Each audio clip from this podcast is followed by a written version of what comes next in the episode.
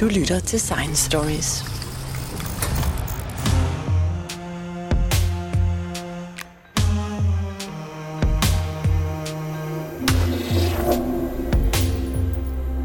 Den danske astronaut Andreas Mogensen har allerede været afsted en gang til den internationale rumstation ISS. Og nu er han klar til en længere mission, hvor han skal være afsted i et halvt år eller mere. Ja, hvor lang tid er det egentlig, du skal være afsted, Andreas Mogensen? Jamen, uh, pt. så er uh, opsendelsesdatoen, det er den 17. august, og så er hjemkomst i slutningen af februar, så det er cirka 190 dage, sådan noget lignende, at jeg skal være afsted. Men man har jo før hørt om, at sådan nogle uh, missioner trækker ud, og der sker det ene og det andet osv. Tror du, datorerne holder?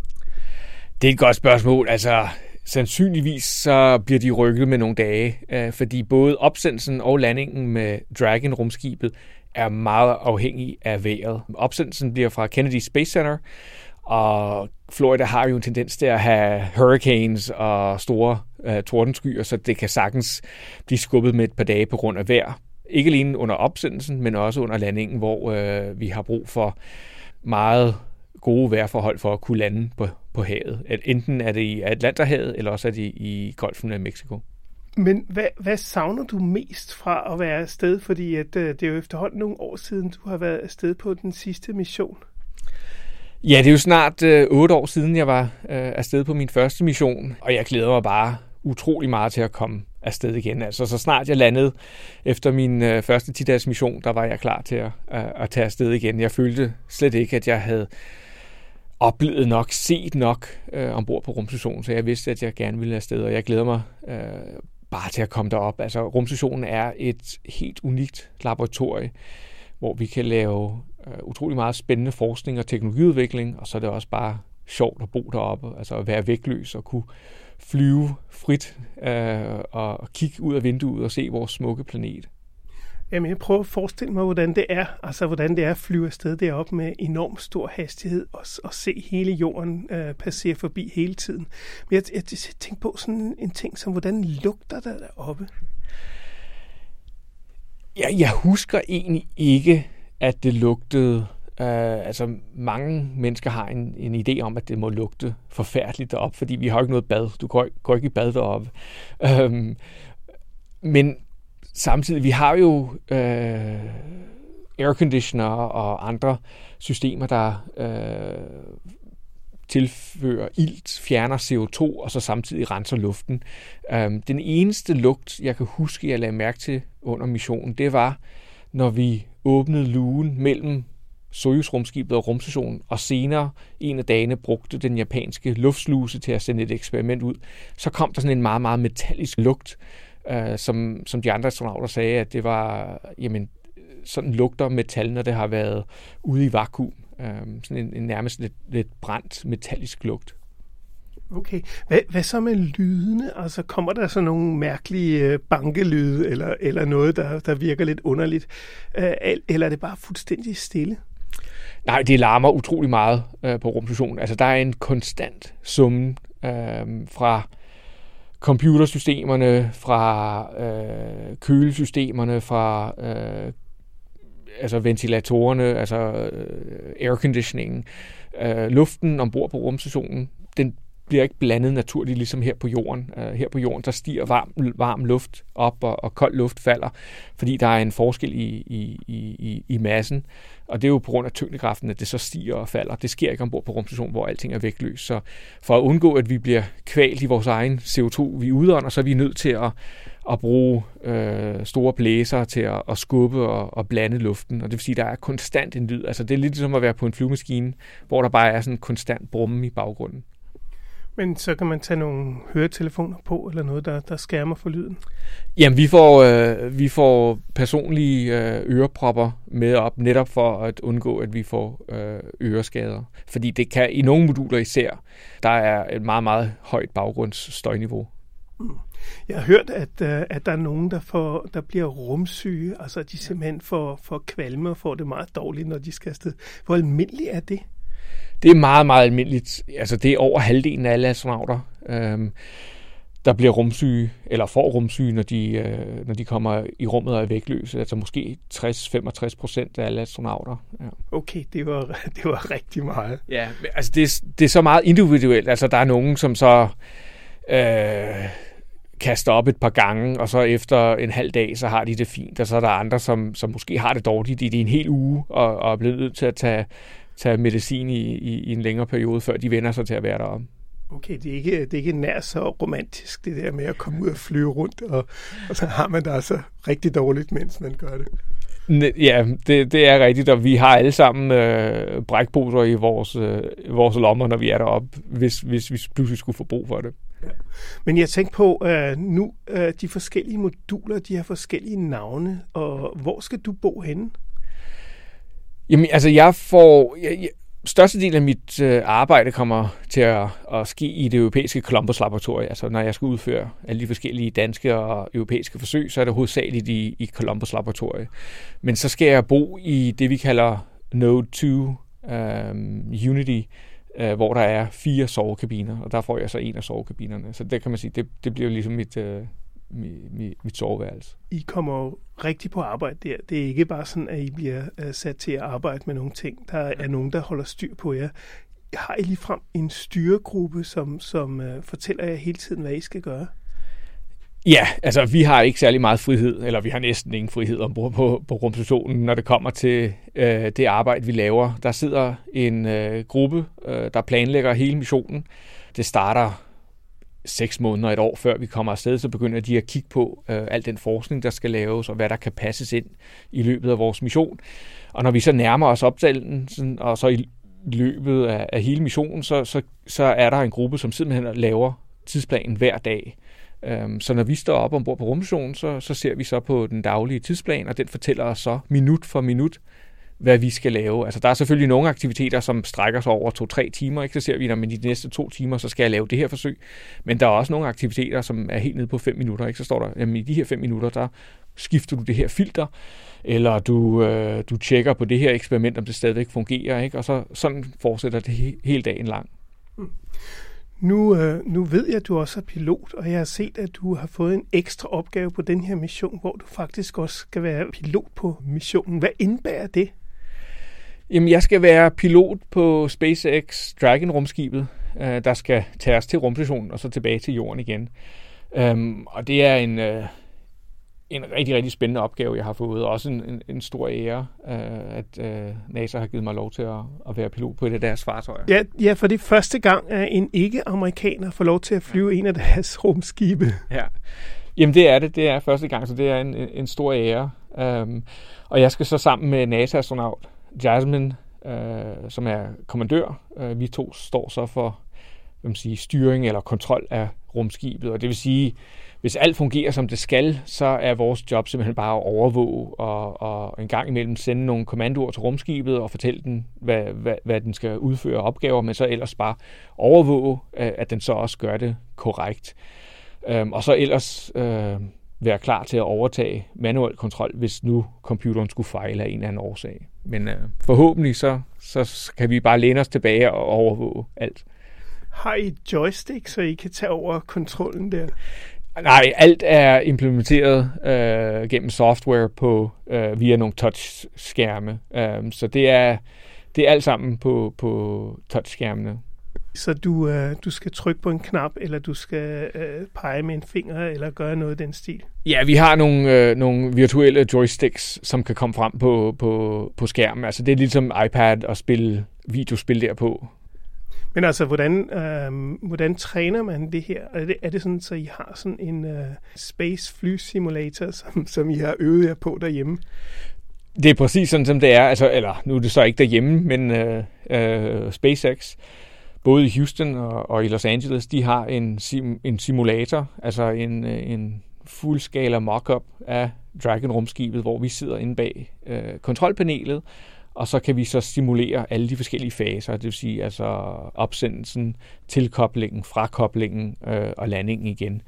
Øh, og så kan vi træne alle de forskellige fejl, der måske kan opstå, i hvert fald dem, vi kan forestille os, øh, og så øh, sidder vi og forsøger at reagere på dem og, og, og løse problemet, eller løse problemerne, mens de opstår. Men, øh, men det, det i virkeligheden handler om, det hele, det er jo forskningen. Og, øh, og jeg spekulerer på, hvad er det for nogle forskningsforsøg, du skal lave den her gang? Altså sidste gang fandt du ovenikøbet på nogen selv undervejs, men øh, det var de her øh, lyn, som blev sat op i den øvre del af atmosfæren. Men, øh, men øh, hvad skal du arbejde med nu? Men altså, ja, du har, du har ret i, at øh, formålet, hovedformålet, det er forskning og teknologiudvikling. Rumstationen er jo et, et, et laboratorie, øhm, og jeg har en, en meget, meget lang liste af eksperimenter, jeg skal lave. Øhm, og det er simpelthen alt inden for fysik, kemi, biologi, fysiologi. Øh, Øh, og så også øh, at studere jordens atmosfære, som øh, du blandt andet nævnte ved, gennem de her øh, forsøg på at, at tage billeder og fotografere. Øh, Kæmpe Lyn, som jo er et øh, projekt fra DTU Space, det er forskere der, øh, der, der stod bag det, også det eksperiment, jeg lavede i 2015, hvor jeg fangede sådan et Blue Jet øh, på video.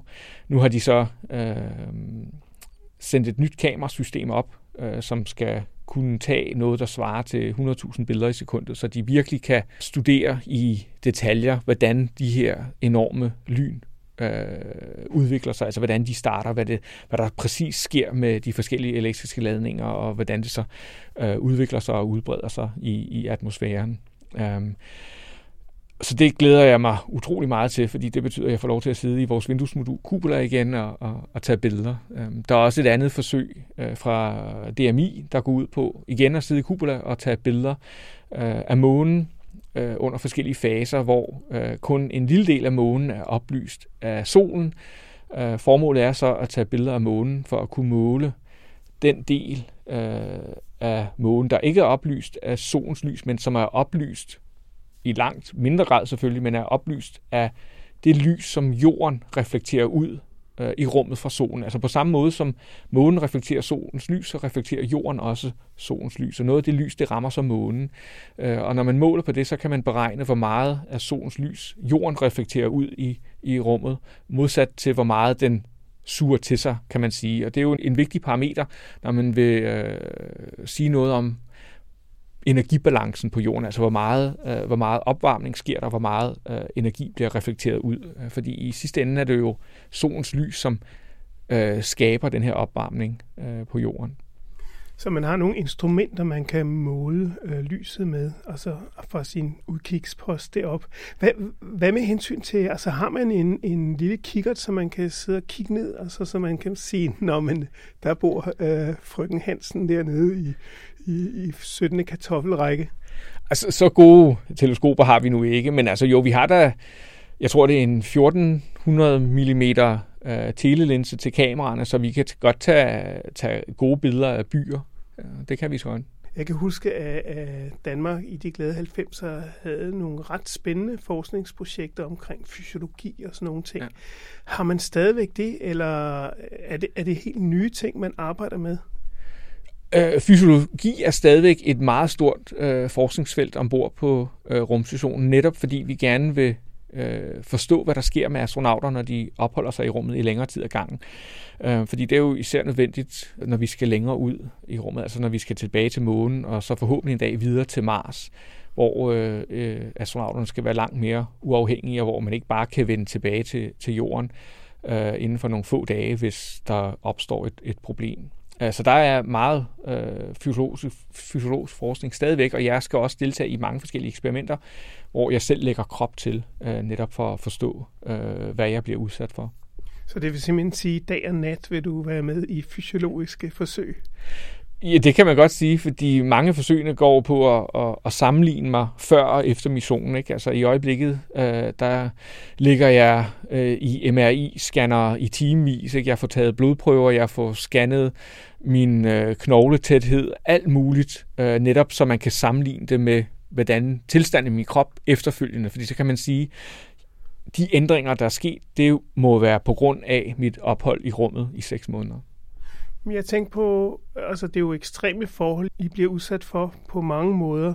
Men, øh, men sådan noget som jeres øh, døgnrytme, når I sådan snor rundt om jorden, og, og det bliver svært at holde konstant, hvordan holder I sådan noget? Det forsøger vi jo at gøre ved at skabe en, øhm, en, en, en, en normal arbejdsrytme eller øh, dagsrytme. Altså vi, øh, vi sætter uret efter Greenwich Mean Time, altså det vil sige klokken i England, og så når klokken er 6 om morgenen, så står vi op, og det prøver vi så at gøre hver dag. Øh, og så plejer vi, eller så prøver vi så at gå i seng der mellem 9 og 10, 11 om aftenen, og så holder vi det, så vi ligesom får skabt en, en cyklus. Øh, men altså selvfølgelig, der er ikke nogen naturlig dag-nat-rytme, og derfor skal jeg også lave nogle øh, forskellige forsøg øh, for at finde ud af, om vi kan på en eller anden måde forbedre det. Der er blandt andet et øh, forsøg fra et dansk firma, der hedder Saga Space Architect, som har udviklet noget lys, som jeg skal sætte op i min sovekabine, hvor øh, man siger, farven af lyset ændrer sig afhængig af tidspunktet på døgnet. Fordi det ser vi jo øh, her på jorden. Ikke? Der, er, der går lyset fra sådan at være blot hvidt til mere orange-rødt om aftenen, og det er jo også det, som påvirker vores dagsrytme. Så vil de forsøge at skabe det ved, gennem kunstigt lys blandt andet. Ja, så det er, det er en kompliceret proces at skabe døgnrytmen. Det er ikke sådan uh, fuldstændig enkelt. Det er det ikke, nej. Det er det ikke, bestemt ikke. Og jeg skal også øh, deltage i nogle forskellige søvneksperimenter, netop også for at se, hvordan min, min søvn er øh, ombord på rumstationen. Jeg kan huske for mange år siden, da jeg var på uh, Cape Canaveral og, og besøgte det her uh, rumforskningscenter, der var en uh, udstilling, hvor at de udstillede bygningen af ISS, og inde bagved byggede de faktisk ISS, så det var meget konkret. Og uh, der var der faktisk en uh, tidligere direktør for ISS-projektet, som fortalte om det, og han fortalte blandt andet også, at en af de visioner, de havde, noget de havde tænkt sig at prøve, det var, at de ville lade forskere selv komme til at lave deres forsøg. Ja. Og så sagde han, ja, så hvis I har et rigtig godt og virkelig spændende forsøg, som er vigtigt at få lavet, og som kræver, at man har ret stort kendskab til for eksempel mm. øh, cellekultur, eller hvad ved jeg, jamen så er det her en billet til at komme ud i rummet. Er det nogensinde sket? Altså, det er jo sket jo under øh, rumfærgemissionerne. Altså, dengang NASA øh, stadigvæk fløj deres rumfærger, så havde de noget, der hed Payload Specialists. Og det er jo netop, som du beskriver det, det er folk øh, fra private virksomheder eller private forskningsinstitutioner, øh, der tog med på en rumfærgemission netop for at lave et, et meget konkret eksperiment, som de var eksperter i. Øh, det er ikke så vidt jeg ved, sket ombord på øh, rumstationen endnu. Øh, men øh, chancen er jo opstået igen nu, hvor private missioner øh, kommer derop. Axiom Space, øh, et amerikansk firma, tilbyder jo nu øh, private missioner på 10-14 dage. Øh, den første Axiom-mission øh, løber stablen her i sidste år, og det næste øh, kommer her inden for de næste par uger, og så er der også chance for, at under min 6 måneder mission, så kommer der en tredje privat aktiemission op med øh, private astronauter, men det er jo, ja, det kan jo være både ingeniører og forskere, øh, der kommer der op for at, at, at lave et forsøg, øh, eller flere forsøg, men det kræver selvfølgelig også, at, at der er finansiering til det. Jamen, jeg tænkte også på, at der var plads til alle de mennesker. Altså, hvis, hvis der kommer et kæmpe rand af mennesker ind og ud, og de alle sammen skal have laboratorieplads, så bliver det, så bliver det lidt, øh, lidt bøvlet.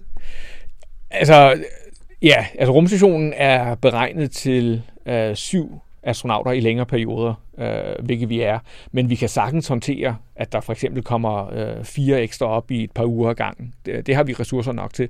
Men jo, der skal også koordineres meget med hensyn til, hvem der arbejder på hvilket eksperiment på hvilket tidspunkt.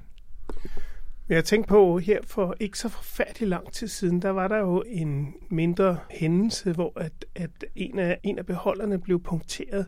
Har man fået rettet op på det? Har man fået identificeret helt præcis, hvad der skete? Og, øh, og hvad vil man gøre, hvis der sker en eller anden ulykke? Har man kapacitet til at få astronauterne ned igen? Altså, man, øh, det, det rumskib, man bliver sendt op med, det er jo så tilkoblet til rumstationen under hele missionen, øh, hvor det så fungerer som en redningsbåd. Så hvis der skulle opstå en ulykke ombord på øh, rumstationen, altså en ulykke, som vi ikke kan løse eller redde os selv fra, jamen, så kan vi i værste tilfælde gå ind i vores rumskib, vores redningsbåd og vende tilbage til, til jorden.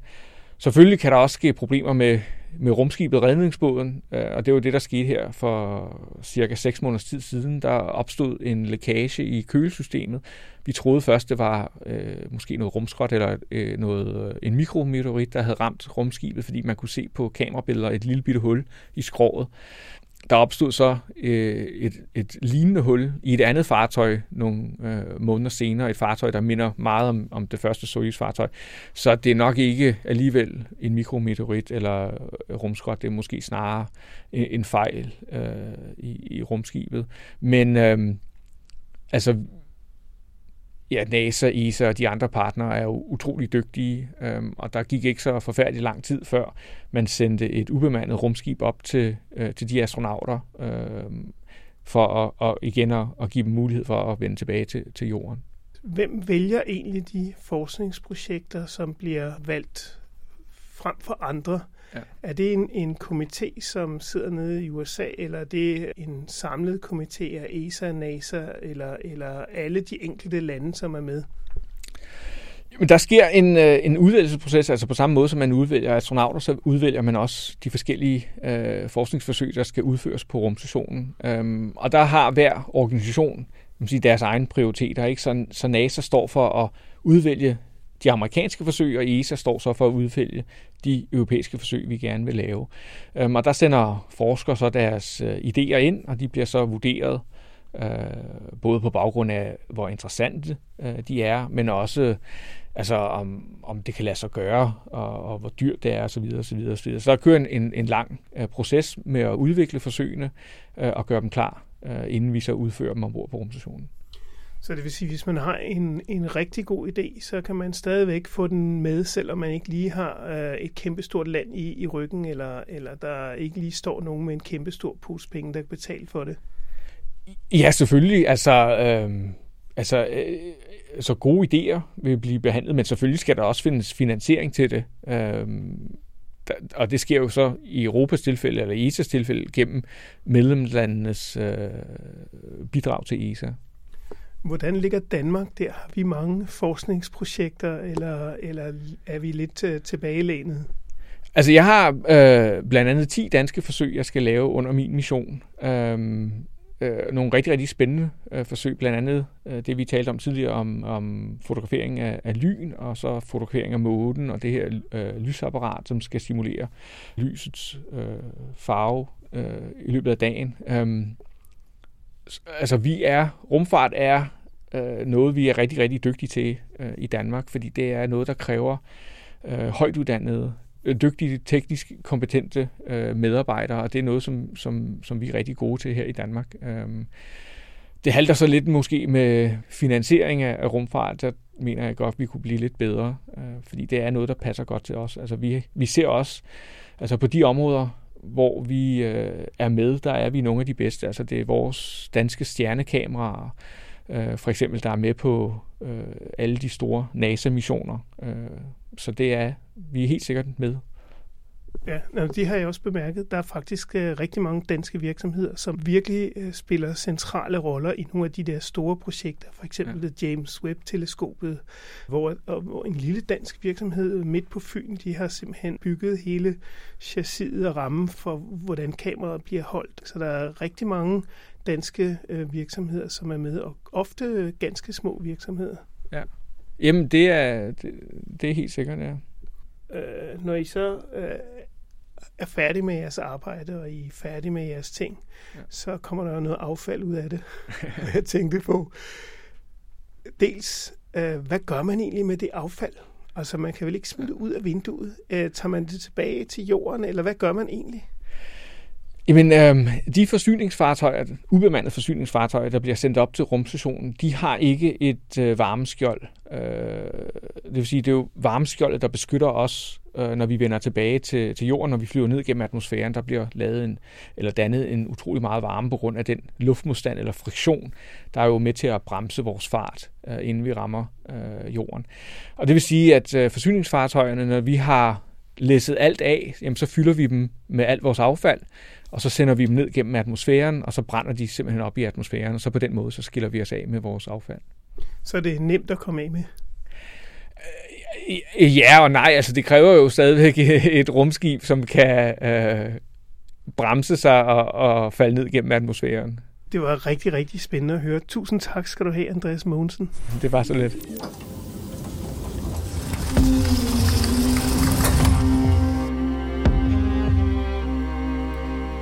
Hvis du holder af historier om videnskab, kan du finde Science Stories hjemmeside på www.sciencestories.dk.